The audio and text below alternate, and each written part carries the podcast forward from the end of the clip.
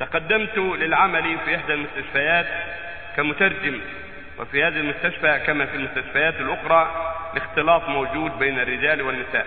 سؤالي هو بحكم عملي أضطر سوف أضطر إلى مخالطة النساء المرضى والعاملات فما رأي فضيلتكم في هذا الموضوع؟ أفيدونا جزاكم الله خيرا. علما أنني في حاجة ماسة لهذه الوظيفة.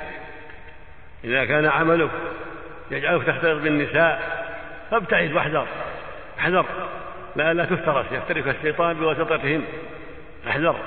أما إذا كان عملك لا بعيد عنهم إنما أنت مترجم وانما يساق إليك ويرسل إليك في مكتبك وتترجمه وتعطيهم إياه فلا بأس. أما أنك تختلط بالنساء من مريضات وغير المريضات وربما سبب لك ذلك مشاكل كثيرة واخطارا كثيرة وهن شبه عاريات.